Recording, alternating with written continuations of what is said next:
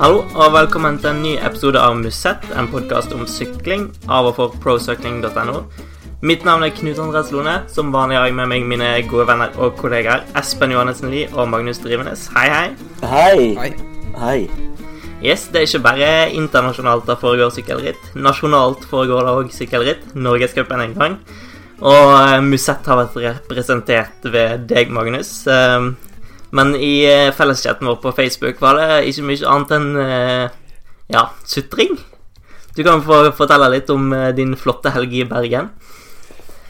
Ja, sutring og sutring Jeg var vel ikke helt begeistret for For været som Ja, vi hadde under første norgescuphelgen her, og det var jo meldt Altså, værmeldingen endret seg jo for hver time. Det var jo helt håpløst. Og selv om det var meldt eh, sol og opphold, så kom det regn rett før start på tempoen. Og Eh, ja, på, eh, på søndag så ble det jo snø. Det er det verste jeg har vært med på, altså. Det, jeg var så kald. Det, det, var, det er det verste. Det, altså, det, de burde jo bare avlyst det, syns jeg. For jeg hadde det så grusomt. Kåre UCI i sine ekstremværsfolk. Ja, det, det lurer jeg også på.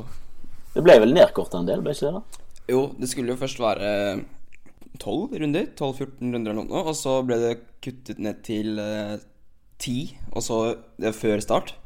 Og så underveis i rittet ble det kort- kortet ned til 8 runder, da. Barneritt da. Ja, du, du får bli med neste gang, Espen. Ja, mulig. Mulig, det. Eh, du, Espen, har jo vært ute eh, og sett på VM-løypa sammen med venner fra Belgia, som du skrev på Instagram. Du kan fortelle litt. Ja, ja, fra Belgia. Det var Det belgiske landslaget var på besøk i Bergen for å gjøre sin eh, rekognosering av eh, fellesstartløypa. Eller i hvert fall rundløypen, da, som de kjørte to ganger inn i sentrum. Opp eh, Salmon Hill, um, som de kaller han nå. Før var det vel Mount Ulriken, som de hadde døpt han. Eh, nye sponsorene, nå, så de kaller han eh, Nei, eh, Salmon Hill. Og så avslutta de med å kjøre tempoen. Eh, og avslutta på toppen av, eh, av Fløyen. Um, jeg hadde fire ryttere med. Det var Nasen, Yb Lampert og så to damer. Det var Julienne Daar og Anne Sofie Duck, som da er deres beste ryttere på fellesstart og tempo. Men uh, i hvert fall på herresiden da, så var det vel ingen som likte fellesstartløypa særlig godt, og i hvert fall ingen som likte tempoen. uh, som uh, selvfølgelig går helt opp Fløyen. Altså Byfjellet i Bergen som er veldig bratt. Det er maks 20 der, så de skjønte vel ganske lite da når de skulle inn i denne brosteinsbakken rett med Fløibanestasjonen. Da tenkte de ja, skal vi opp her, sa noen av de. Så. Jeg tror ikke de var Jeg tror ikke besøket levde veldig opp til forhåpningene deres. da Det hadde fint Var vær, da. fint vær, da? ja, utrolig fint vær. Ja, utrolig fint vær. Det var jo veldig Bare to dager etter at du var i snødrevet Drivenes, så hadde de blå himmel og sol. Så det var jo nydelig for de. Og bittert. Og bittert for deg, antagelig. Eh, ja. Nei, men de hadde jo blitt lova en Amstel eh, En krysning mellom Amstel Gold Race og Flandern Rundt. Jeg vet ikke om det var helt det de opplevde. Nei. Eh, det blir spennende å se da hvordan eh, det rittet faktisk utvikler seg, men de mente vel at det var ei løype som kunne passe Kristoff perfekt. Og det er jo gått litt mot det som har blitt sagt her hjemme, da. Ja, altså, jeg tror for, forventningene deres var litt preget av eh, en tidligere besiktelse av den forrige landslagssjefen, eh, Carlo Bomans. Han var vel her eh, på våren i fjor, eller hva det var. Eh, og det var vel han som hadde hausa opp eh, løypa litt, antagelig. Og den italienske sjefen, eh, Davide Casani, hadde vel sagt mye det samme, at det var en sånn ganske tøff klassikerløype. da. Type Amstel, type type Flandern. Så da, jeg tror det var litt eh, det eh, eh, forventningene deres var prega av. Og så hadde vel arrangøren noe videreformidla dette videre, da.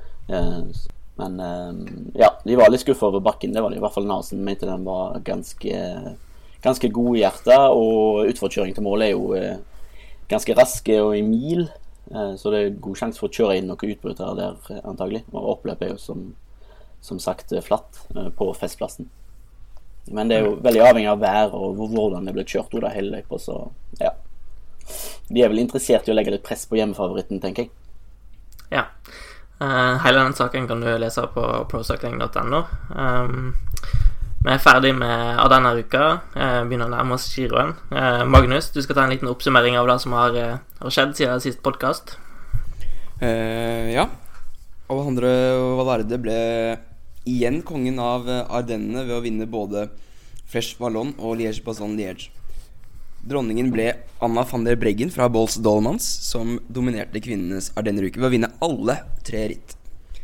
Dette var første gang damenes rittkalender hadde tre kuperte klassikere lik herrenes. Vincenzo Nibali begynner å vise litt uh, giroform. Barain Marie-rytteren tok sesongens første seier da han vant Tour of Croatia sammenlagt. Og som vi allerede har vært litt inne på, så har eh, den nasjonale sykkelscenen åpnet da Team fikk sitt eh, rytter Henrik Sandal slo Audun Brekke Fløtten i spurten og gikk til topps i Norgescupåpningen i Bergen. For damene så var det Ingrid Mo, som eh, også er fra Bergen CK, som sørget for eh, hjemmeseier også på kvinnesiden. Joker Ikopal og Team Sparebanken Sør er i gang i Tour de Bretagne. Etter to etapper har Anders Gårdseth fra Joker Ikopal vært den mest toneangivende, med åttende- og sjetteplass på de to første etappene. Tour de Romandie har også begynt. Eh, vår venn Fabio Feline fra Trek Segafredo vant åpningsprologen i det sveitsiske World. Tour de France-mesteren Chris Froome er omsider tilbake i konkurransemodus. På den andre etappen, fra UCIs tilholdssted Eagle ventet en rekke tøffe klatringer i rytterne. Regn og dårlig vær gjorde etappen ekstra tøff. De hadde dog ikke snø. Eh, mens eh, angrepene lot vente på seg til den siste stigningen. Den var imidlertid ikke hard nok til å utgjøre noen forskjell, og det endte i sluttinnspurt hvor Mikael Albasini fra Orica Scott var den raskeste.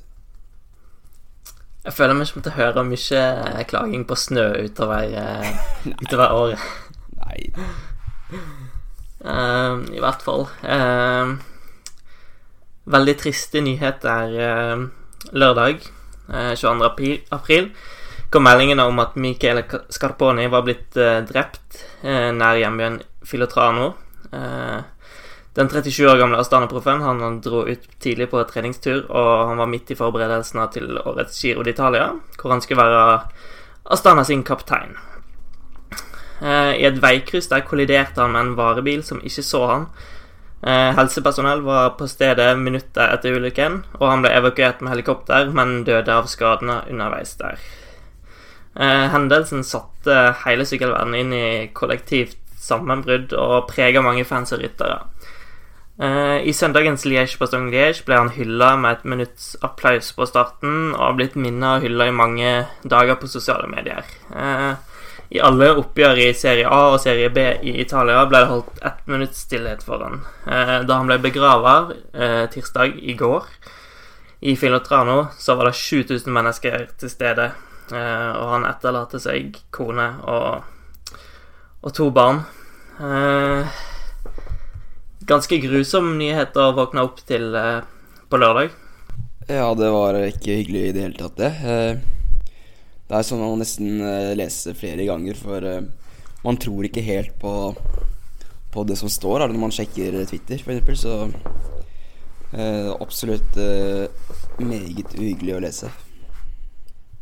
Ja, jeg er veldig enig med Magnus. Det var nesten litt rart å, å lese. Um, minte litt om da jeg våkna etter presidentvalget i USA og så Trump hadde vunnet. Jeg måtte liksom lese det ti ganger, men selvfølgelig mye mer mye mer trist å lese om uh, Michele Scarponi. Um, uh, det var det absolutt. Og han er jo sett på som en av uh, de store underholderne i, i, i feltet. Um, veldig godt likt stort sett på alle kanter. En som alltid hadde humøret med seg på topp. Og kunne gjøre gode imitasjoner og hadde masse selvironi. Um, noen ganger kunne han bare plutselig begynne å synge for full hals midt i feltet. han fant på mye sånn ablegøyer. Og jeg leste en fin sak av Marco Bonarigo, journalisten i Corriere de la Sera, han skrev en veldig fin sak om eh, Scarponi i, i, etterkant. En av mange fine saker skrevet. Eh, og han eh, understreker det at Scarponi sannsynligvis hadde vært en dyktig eh, revyartist om han ikke hadde blitt eh, syklist. For eh, Scarponi var liksom alltid den som hadde veldig godt humør, selv eh, når han hadde gjort det dårlig, og, og selv når han måtte ja, snakke med media etter etter ritt der det har gått veldig dårlig. og um, han skrev også at uh, han var en veldig viktig mann for, uh, for uh, Vincenzo Nibali da Nibali vant Tour de France i 2014. Egentlig mest som, som humørspreder og en som alltid fjerner litt av alvoret da, i det vi vet er et veldig stressende ritt. Og ikke minst på alle høydeoppholdene de hadde sammen, som uh, mange vet er veldig lange og kjedelige for rytterne. Spesielt på Teide, der, der, det er veldig øde og det skjer egentlig ingenting. Men, uh, og vi vet uh, Nibali ville gjerne ha med seg Scarponi til, til Bahrain før denne sesongen. Akkurat det skjedde ikke, da. Men ja, alt i alt en veldig godt likt karakter, som, som, jo ble veldig godt illustrert med begravelsen, be, begravelsen, begravelsen hans. der der det var vel om lag 7000 folk til stede. Det er jo litt sånn Jeg har sett en del uh, videoer som har florert etterpå på, ja, av uh, Michael Scarponi, da, hvor det er uh, Han snakker jo bare italiensk, så jeg forstår ikke et ord av hva han sier, men du blir bare i godt humør av å se på det. På en måte, humøret smitter jo veldig over når du ser disse videoene han har tatt med selfiekameraet sitt. Både mm, på og av sykkelen. Ja, det var veldig vanskelig å ta inn over seg de, de rapportene som kom. For den en rytter du har et forhold til, selv om du ikke kjenner ham fordi han poster sånne videoer som Magnus er, og er veldig jovial og, og hyggelig type, og alltid, alltid glad og smilende. Eh, blant annet så har du alle videoene han har lagt ut med Ara-papegøyen Frankie, som, eh, som han sykler rundt med i Filotrano. Eh, Frankie er en eh, arapapegøye, som sagt, som er, har samme fargen da, som uh, Astana sin drakt. Og den fulgte etter Scarponi på, på sykkeltur en gang. Uh, og da turte ikke Scarponi å sykle tilbake dit, for han trodde, trodde Franke fulgte, fulgte, etter ham for å angripe han. Men så var han tilbake en gang seinere og fikk holde papegøyen. Og etter det så fikk de et veldig nært bånd, da. Og Frankie var med han på, på sykkeltur og fløy ved siden av han og landa på hjelmen. og og alt mulig sånn. Eh, sånn ja, veld, veldig kul karakter, da, Scorpioni. Eh, og han vil jo Først og fremst vil han bli huska som det mennesket han var, ikke syk syklisten han var. Eh, han har vunnet Giro d'Italia, blant annet, etter at eh, den ble fratatt av fra Alberto Contador i 2011. Eh, og Espen nevnte jo litt der med forholdet til Nibali eh, og Chris Baldwin, som er tidligere pressesjef i Astana. Uh, så skrev han Eller han skrev ikke, han var sitert i en sak på Cycling News om hvor uh, viktig han var i Nibali sine Giro- og Tour-seire. For Nibali er visst veldig sånn stressa type. Og Scarponi var visst fantastisk flink til å få han til å, å slappe av og roe seg ned. og Baldwin sa at Nibali var Nei, at Scarponi var alle, alle sin venn. Ja, bra sagt. Ja, jeg tror mange har eh, egentlig oppsummert det ganske greit med den der at mennesket Scarponi vil bli savna minst like mye, og kanskje mer, enn rutteren Scarponi. Ja. Um, selv om han, som veldig mange andre i sykkelsporten i hans periode han har sykla de siste 15 årene, har sine svin, svin for skogen. Um, han var jo involvert i Puerto eh, dopingsaken, og han har sine koblinger til Michele Ferrari. Eh, og han har vel egentlig aldri gått ut og angra så veldig mye og tatt et veldig sånn sterkt oppgjør med akkurat det. Han nevnte vel den gangen han ble tatt for Puerto, en av de få som vel ble utestengt eh, i forbindelse med den saken. At, ja, I forbindelse med Operasjon Puerto da, så syntes han det var veldig beklagelig at han ble på en måte gjort til, til en syndebukk, i og med at det var såpass få ryttere som faktisk ble utestengt eh, eh, fra, i forbindelse med den saken. Men eh, akkurat nå så husker vi vel mest menneske Scarponi, som var en veldig godt likt eh, person, og eh, ble veldig godt likt i alle leirer, egentlig. Når Alejandro Valverde vant eh, Liège Bastogne Liège, så sa han jo at han skulle gi alle premiepengene til, til familien til Scarponi. Uh, det sa han vel på forhånd. det sier vel litt om, om hvilket inntrykk eh, Scarponi har gjort på, på det profesjonelle sykkelfeltet. Ja, det er flere som har vært utsatt for ulykker i eh, trafikken den siste tiden. Eh, Johanne Fredo har blitt angrepet både med balltre og kniv på treningstur eh, denne uken her i, hjemme i Frankrike. Mm. Han var ute på treningstur med to kamerater. Ja. Vet vi egentlig noe om motivet der, eller? Han skrev vel at det var Han skrev ganske kort, men han skrev vel at det var aggresjon. Jeg vet ikke om du har lest noe mer om det, Espen? Ja, jeg fikk litt tak i den situasjonen der. Altså, eh, han var ute på en treningstur i Chevrusdalen sammen med to, eh, sammen med to amatørvenner. Amatørsyklister. Uh, så var det en, en bil som uh, pressa på bak, uh, og så ruste med motoren et par ganger. Før han da suste forbi i ganske heftig fart og sneia, sneia denne trioen ganske tett. Og de reagerte jo med sinne, selvfølgelig. Ganske instinktivt ropte de etter han og kalte han en, kalte han en drittsekk. Um, og etter det så eskalerte det ganske fort. Bilen stoppa, og fyren dro fram Eller sjåføren han dro fram en sånn knivlignende gjenstand. Så han dro opp uh, uh, fra bilen sin der. Eh, og Fredo oppdaga faren faren ganske fort. Skjønte at denne fyren her var temmelig gal. Og, og sperra døra hans, han sperra han inne sånn at han ikke skulle komme ut. Og det var da han ble slått med balltre over ryggen da, av dama som satt i setet ved siden av sjåføren for hun hadde sneket seg ut av bilen. Eh, døra gikk opp etter hvert, og, og Fredo fikk et slag i trynet av sjåføren og brakk nesen. Uh, jeg vet ikke om det har blitt bekrefta, men han var i hvert fall temmelig forslått uh, på nesen, og han mente sjøl at den var brukket. Heldigvis var det noen vitner som så dette, og mannen ble, han ble anholdt. Han ble klart å holde han på stedet der til han ble anholdt, faktisk. Så det var ganske heftig situasjon. Aggressivt. Ja, det her er, det er relativt spinnvilt. på deg og Magnus har sykla en del i trafikken, men aldri vært borti noe som er i nærheten av det her. Uh, men det er mye visse bilister, Knut. Ja, det er det. Uh, du er mer ute og sykler enn meg nå, Magnus. du kan fortelle litt hvordan det er å sykle i, i Oslo-området nå.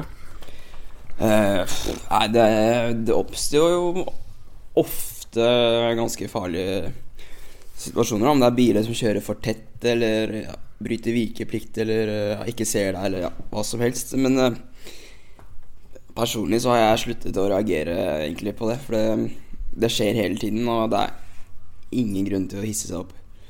Eneste er at jeg er veldig skvetten, så hvis jeg blir tutet på, så er det livsfarlig. Det er, det er ikke tull engang. Nei, jeg har sett videoer der du blir skremt. Det er jo det passer godt inn i gullrekka på fredager, det sånn. ja, nei, men uh, Så det er noe å tenke på, da, de som tuter på, på syklister. Ja. Og Fredo skrev vel da Han posta en uh, post på Facebook etter hendelsen at uh, du dro ut om morgenen, men du visste aldri om du om du kom tilbake. og det var vel òg noen som skrev i forbindelse med enten det her eller Scarponi sitt dødsfall, at uh, sykkelsporten er vel en av de få sportene der du uh, er mer i risiko på trening enn uh, en du er i konkurranse. Mm. Ja. Ja, absolutt. Og dessverre er jo sånne hendelser ikke så uvanlig, dessverre. Og profesjonelle ryttere som uh, kjører vet ikke hvor 30 000 km i året, er selvsagt eh, spesielt utsatt for eh, sånne ting. både Chris Froome og Richie Port, som bor i Monaco, har hatt situasjoner der de har måttet flykte fra hissige sjåfører på trening. eh, der trafikkbildet er ganske krevende i den byen. Eh, Alexander Kristoffer nevnte akkurat det når han ble spurt eh, rundt den tida han slo igjennom og vant Flandern og vant Milan San Remo, om han kunne tenke seg å flytte til Monaco f.eks., men det var fullstendig uaktuelt, eh, dels pga. trafikken. og det var vel eh, Alessandro Vanotti som sa, sa, det når han var i begravelsen til, til Michele Scarponi i går, at eh, sikkerhetsfølelsen rutterne har på trening, er på mange måter en, eh, en eh, illusjon. Selv om de er på sine egne veier, så kan det ting skje når som helst, egentlig. Uh, og vi har jo, vi snakka mye om sikkerheten til, til rutterne i ritt, at den må bli bedre, spesielt etter dødsfallet til Antoine Demoité i Gent Wevelgem. Han, han døde jo der, dessverre. men det skjer altså veldig mye på trening også. Eh, F.eks. som Ofredo sa da etter denne hendelsen, at eh, han opplever det at 70 eh, av bilene som kjører forbi han, ikke overholder denne regelen som sier at du må holde en viss avstand. Jeg vet ikke hva regelverket er i Frankrike, men her i Norge er det vel halvannen meter? eller det gutter? Noe sånt? Det er vel en anbefaling om å kjøre 1,5 meter. Ja. En anbefaling, ja. Jeg tror ikke, ja. ja. Så i nyere tid er det altfor mange eksempler på alvorlige uhell. Altså, uten å plassere noen skyld da, akkurat i disse eksemplene, så kan vi jo husker vi allerede i fjor, i mars i fjor, så døde eh, Roman eh, Gouillou, den franske ven, eh, rytteren fra VNDU Han ble truffet av en lastebil og døde med en gang. Og så hadde vi jo ulykken til Giant Alpecin i Kalpe, der seks ryttere ble, ble ganske kvesta. Um, Eh, Christophe Goder, IAM-rytteren, ble drept av en buss i, i 2014 utenfor Antwerpen. Uh, Bradley Wiggins ble kjørt ned av en varebil i 2012 rett etter han vant, vant eh, Tour de France. Og et spesielt tilfelle var Thomas Vauclair i 2014. Han skulle varme opp på en etappe i Tour de Limousin, og så kom det ei gammel dame og kjørte han rett ned, bare plutselig. Så han brakk kragebeinet og kunne ikke starte det rittet. så jeg føler liksom det er altfor mange eksempler eh, eh, om dagen. Eh, dessverre. Vi har jo eksempler ja. hjemme i Norge også. Ja. ja. vi har eksempler hjemme i Norge også. Vi har jo Cecilie Godtaas Johnsen hadde vel en litt vel hissig sjåfør som da bråbremset rett foran henne for at hun skulle kjøre inn i bilen hans. Og hun brakk ikke kun kragebeinet. Jeg tror hun i hvert fall ble ganske stygt skadet i det, i det sammenstøtet. Mm. Og så har vi jo den 22 år gamle OSI-syklisten Petter Nikolaisen, som eh, ble drept for et par år siden av en fyllekjører på treningstur en høst eh, utenfor Oslo. En tragisk hendelse, det også. Så det er eh, dessverre altfor mange stygge ulykker med med bilister. Ja, du har òg Fredrik Willmann som ble kjørt ned av en bil. Audun Brekke Fløtten ble kjørt ned i Spania i, i fjor. Um, så det forekommer altfor ofte, og altså en, eller annen ulykke vil jo alltid være, og samme hva sport du vil være, så vil du være utsatt for et eller annet, men å kollidere med en bil er ganske det er ganske heftig. Eh, ja eh, Veien mellom litt skrubbsår og alvorlige livstruende skader er, er, veldig liten. Ja, absolutt. Og er man ute på veien på en sykkel, så er man jo per Altså, da er man veldig sårbar og utsatt for ting. Og eh, med årenes løp så har det kommet mye mer biler på veiene enn en før. Um, så ja, det er åpenbart et problem som eh, veimyndigheter må se nærmere på, og man må jobbe med de interesserte partene og eh, ja, skape en bedre kultur, tror jeg. Det er veldig mye aggresjon og drittslenging mellom eh, aktørene i trafikken. Mellom bilister mellom traf eh, og syklister. og vi føler liksom den stemningen blir bare hissigere og hissigere. Ja. Eh, problemet er vel Altså, jeg skal ikke generalisere så voldsomt og si at det gjelder alle, men problemet er vel at begge parter eh, føler de har ja, i hvert fall nesten mer rett enn den andre til å være der, da. Eh, ja, det er litt vanskelig å, få, få den gjensidige respekten, da. Det er mange som tror det heter bilvei. Det er det jo ikke. Nei. Så når du, er, når du sykler, så er det jo regner du som kjørende. Du har like, like mye lov til å være i, i kjørebanen som en bil. Ja. Litt av Altså, det er jo drittsekker på begge sider her. Eh, det er jo litt av problemet at alle skal feie alle under eh, samme kost. Eh, men det er jo gjerne de samme folkene som sitter bak rattet, som òg sykler, da. Eh, så problemet er vel kanskje at folk generelt er drittsekker i, i trafikken, da. Ja, det, Man kan jo spørre seg hva som skjer når man eh, setter seg bak et ratt. Nå sier ratt og ikke styre, men det er bevisst. Nei, det er i hvert fall viktig å, å passe på hverandre og ha gjensidig respekt. Eh, det er ikke noe hyggelig å sitte igjen som en, eh, en drapsmann bare fordi du ikke har fem sekunder å spare. Eh, det er noe alle bør, bør tenke på når de, når de sitter bak eh, rattet, og, og at syklistene tar hensyn. Vi kan snakke om litt, litt hyggeligere ting, men òg litt kjedelig. Flashballon. Vi snakka litt om det på på forhånd med, av denne klassikeren at det har en tendens til å, å være kjedelig. Og ja, kanskje det levde opp til forventningene, kan vi ikke? Jo, at de var, skulle være kjedelige? ja, absolutt. Det var jo en klassisk Flesh Ballon-utgave, for så vidt. Eh, med Valverde-seier, typisk nok. Der Valverde angrep eh, 200 meter før mål i denne S-svingen, der han alltid pleier å gå.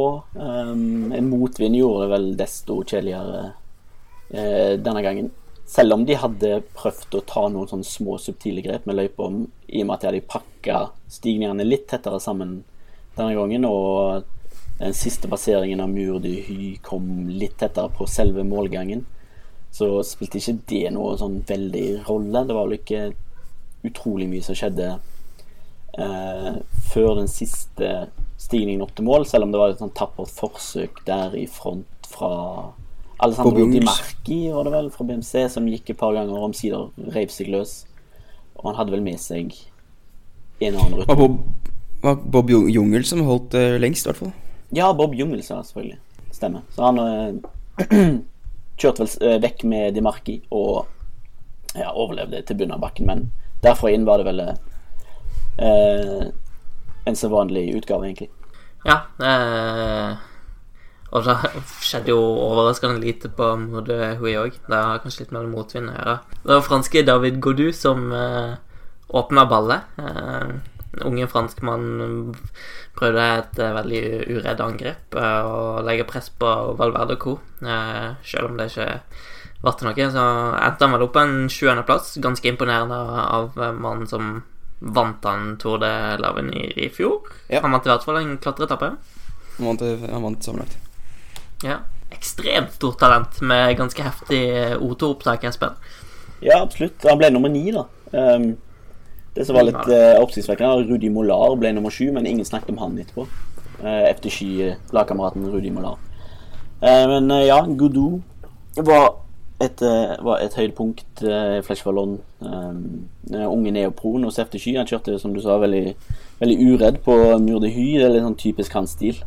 Uh, litt sånn hyperaktiv unge mann, dette her. Uh, angrep med 250 før mål, og Valverde var vel den som fulgte.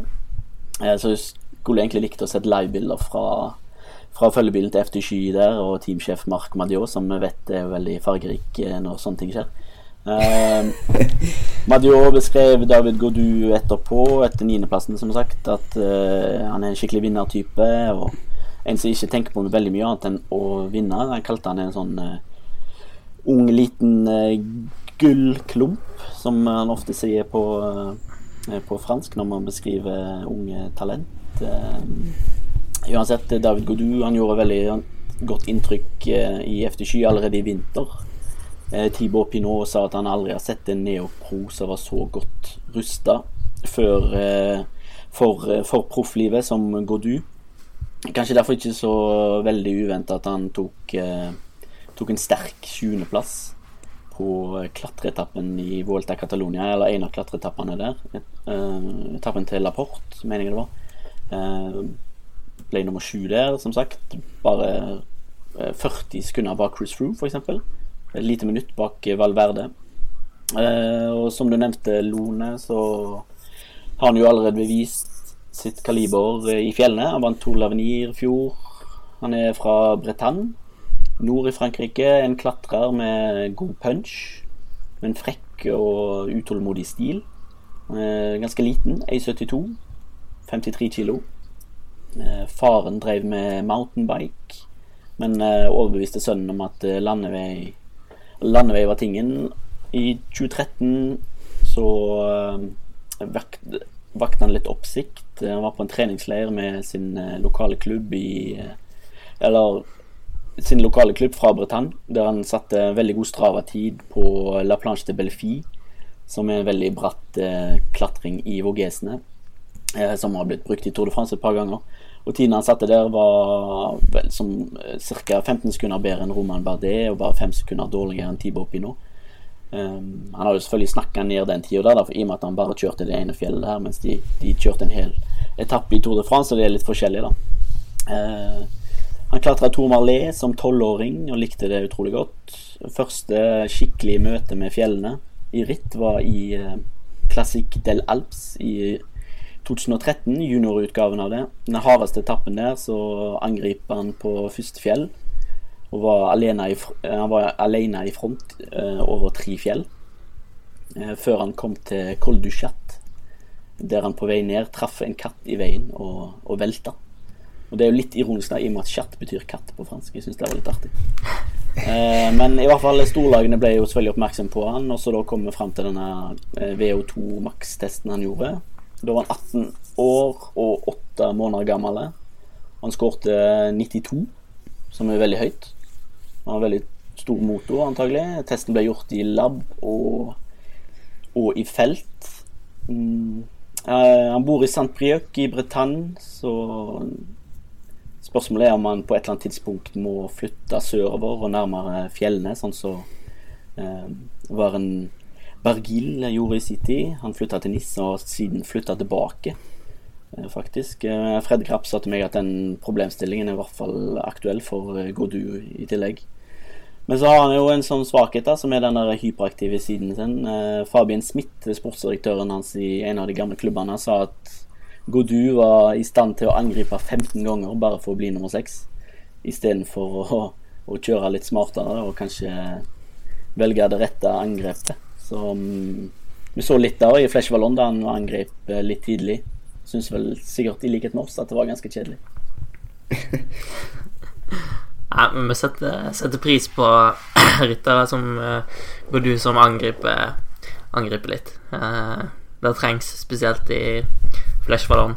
Uh, og jeg syns Team Sunweb-rytter, Corin Rivera, som sykler for damelaget til Team Sunweb, oppsummerte rittet om Murdehui ganske greit. Uh, it is what it is.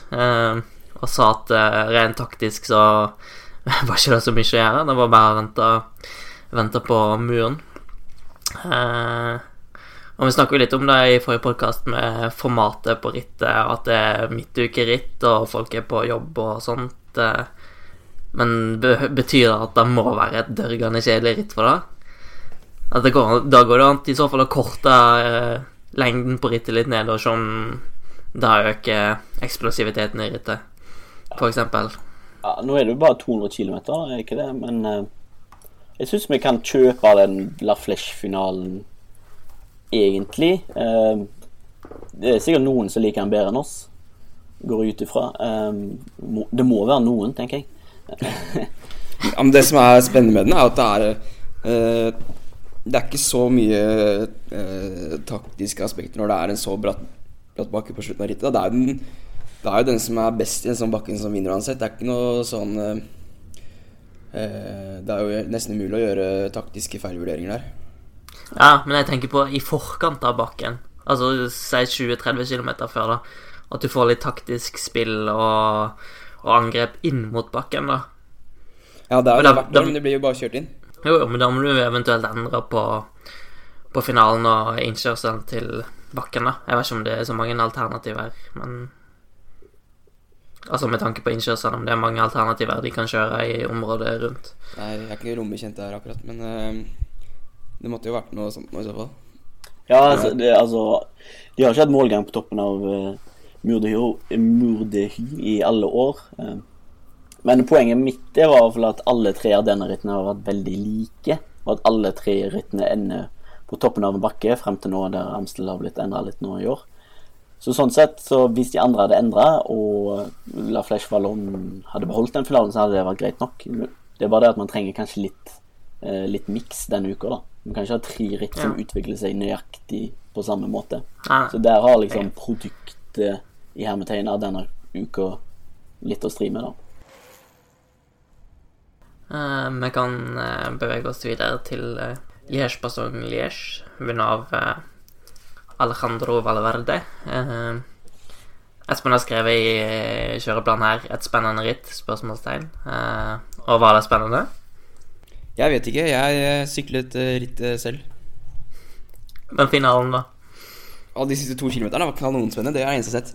Det var, det var jo eh, Happy Satt jo med hjertet i halsen hele, hele veien, der. Det var eh, Kom rett inn på formålet og i front, det var spennende. Nei, men eh, det, jeg, jeg fikk inntrykk av at det var mange som ikke syntes at det var et spennende ritt. Det er kanskje blitt litt eh, nordmenn, da, og ikke syns at det er spennende. Men eh, jeg vet ikke hva du syns, Espen. Ja, men skal, det er farlig det å bare gå ut ifra at det har vært kjedelig. Det er jo kanskje der vi er på vei, at vi har en foruttatt, forutinntatt holdning om, eh, om Liège. Men jeg syns det var påfallende hvor bra, eller hvor enkelt Movistar og Valverde leverte som, som de store favorittene som de var. Um, og man merker seg, seg forsøkene til et Age f.eks., som illustrerte ganske godt hvor vanskelig det er å være, være skapende, og hvor vanskelig det er å rive opp eh, i dynamikken i et ritt som Liège, sånn som formatet der er nå. Bardet ble nummer seks. Vi snakket om Bardet før start. Han blitt sånn Liège-spesialist og egentlig aldri vært dårligere enn nummer tolv i alle sine utgaver. Aldri bedre enn nummer fem heller. Um, og Bardet, eh, som hadde veldig lite å stille opp med mot eh, Valverde på, på oppløpet på, i, i Ans. Selv om de prøvde ganske iherdig da, å få til noe i forkant. De angrep ganske mange ganger med Michael Chirel og Pierre Latour og um, Alexis eh, Vyermos um, på de tre-fire siste bakkene. Og de kom av gårde i noen små grupper, og det var andre angrep fra andre lag også. Likevel så var liksom Valverde og Martin um, Kwiatkowski var langt ifra isolert, og hadde vel hele veien ganske godt grep om, eh, om rittet, sånn sett. Um, planen til Bardet var et angrep i Sant Nicolas, som er den nest siste bakken, omtrent seks kilometer fra mål, eller noe sånt. Eh, han planla et angrep der, så seg bak og så egentlig et saftig felt på 50 mann og mista, mista motet fullstendig. Han tenkte liksom et angrep der ville vært et fint spetakkel. Alla det Davide Farmolo gjorde, men ganske fornyttig til slutt, så det var egentlig bedre å vente og ta en topp ti og ta noen viktige UCI-poeng. Så han, han droppa angrepet, rett og slett. Eh, det kan hende folk lar seg forme litt av eh, Av at vi er bortskjemt med en del kule andreklassikere og etapper. Eh, du skal ikke undervurdere hvor tøft Liège-Bastogne-Liège er. Det har vel lenge blitt omtalt som den store manndomsprøven. Eh, og Men ja. Det var jo en del tendenser til angrep med noen grupper som ikke, ikke kom seg av gårde. Men avslutningen var jo i og for seg ganske spennende, med Formolo foran inn på siste kilometer og angrepet til Dan Martin. Og så var Valverde eneste som klarte å, å komme seg opp til han. Eh, Vi snakka litt om det siste, at i den ja, EPO-generasjonen da, så var det en del angrep på La blant annet, som ligger 40 km før mål. Eh, og jeg foreslo, eller lufta tanken i chatten vår på Facebook om å flytte La nærmere mål. Eh, Jeg vet ikke hva de tenker om det. Jeg føler i hvert fall det kunne løst opp ritt en del. Og, og kanskje kutta eh, og ha avslutning i motbakke, da, som Espen sa. Ja, ja Liège har liksom, det har alltid vært, vært solgt, solgt som eh, den eh, hardeste av alle klassikerne, og eh, slik som rittet kjøres nå, så er det åpenbart at rytterne har veldig stor respekt for, eh, for bakkene på slutten, for eh, finalen og den, dette seige oppløpet i Ans, som er en virkelig beinbrekker, en beindreper, holdt jeg på å si, i finalen der. Så det kjøres ganske avventende, så mitt forslag ville vært å fjerne det oppløpet. Kanskje fjerne noen av bakkene, komme seg bort fra Ans. eh, Og komme seg bort fra Sant Nicolas, egentlig. Eh, Ha en flatere finale. À la det Amstel gjorde, eh, egentlig. En sånn endring. Jeg tror jeg kan åpne rittet opp veldig mye. Nå har ASO, arrangøren, avtale med Arns ut eh, 2018. Og så håper jeg vel at de finner en annen løsning etter det. Det går kanskje Muligheten er vel at de kanskje finner et annet oppløp i Ans. Det hadde jo vært det beste, egentlig. For sannsynligheten for at de blir værende i Ans er ganske stor, i og med at Liège ikke vil ha rittet tilbake i sentrum. Spørsmålet er om de tør å, å gjøre det rittet lettere, med tanke på at det har det den greia om at det skal være den ultimate prøven, og det hardeste rittet. Eh, Så jeg vet ikke hvor gira de er på å gjøre avslutningen lettere. Eh, er jo veldig tradisjonell og ganske konservativ, så ja. Vi har litt baller for å gjøre det. Yes, vi skal begynne å runde av, men uh, vi skal se litt på hva vi har i vente kommende uka. Uh, Tour de Romandie er godt i gang, som vi nevnte i innledningen. Eh, en rekke tøffe kuperte slash fjelletapper der. Eh, Joker i Kopal og Team Sparebanken Sør er i aksjon i Tour de Bretagne. Eh, Tour de Yorkshire starter til helga.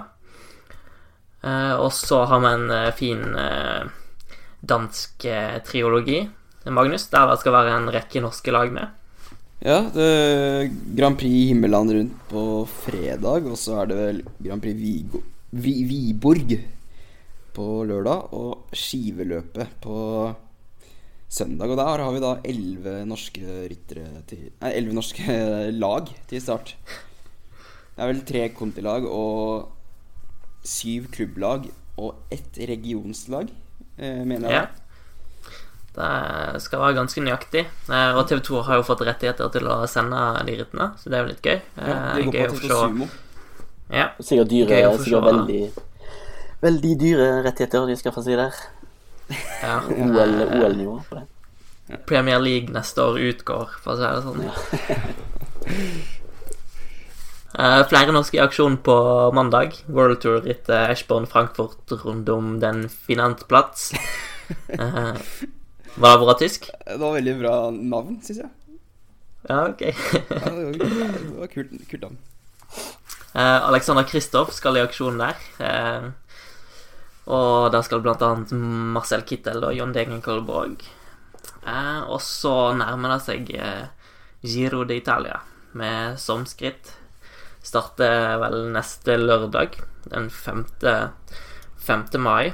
Eh, så det ser vi veldig, veldig frem til. Det blir gøy å få Grand Tourna i, i gang. Eh, alle nyheter og oppdateringer med ritt, ryttere og den slags finner du selvfølgelig på procycling.no, eh, så du må følge med der. Alt det essensielle får du der. Ja, da, da Eh, fikk jeg lyst til å lese Procycling og den også. Ja, Entusiastisk der. veldig. veldig. Prøv å fremstå profesjonell, da, vet du. Ja. Uh, ja, Magnus, du skal på skole nå, så du må vel eh, slenge deg rundt. Uh, skal du sy Sykler du til skolen, eller tar du trikken? Eh, jeg går, det tar ca. 30 sekunder. Og Espen, du skal vel skrible litt for uh, fantastiske procycling.no, som er den beste sykkelsida i Norge. Der ja, Knut. Der. Ja, bra nivå. Bra nivå. Ja. Du hører nok eh, snart fra oss igjen. Mitt navn er som sagt Knut Andreas Lone. Og Magnus Drivenes og Espen Johansen Lie, takk for følget. Takk likeså. Uh, Eh, og så må du huske å abonnere på podkasten vår i Soundcloud og iTunes. Eh, følg oss på Twitter og lik oss på Facebook. Musett en podkast om sykling, så er vi snart tilbake igjen. Ha det bra. Ha det bra. Ciao. Arrivederci.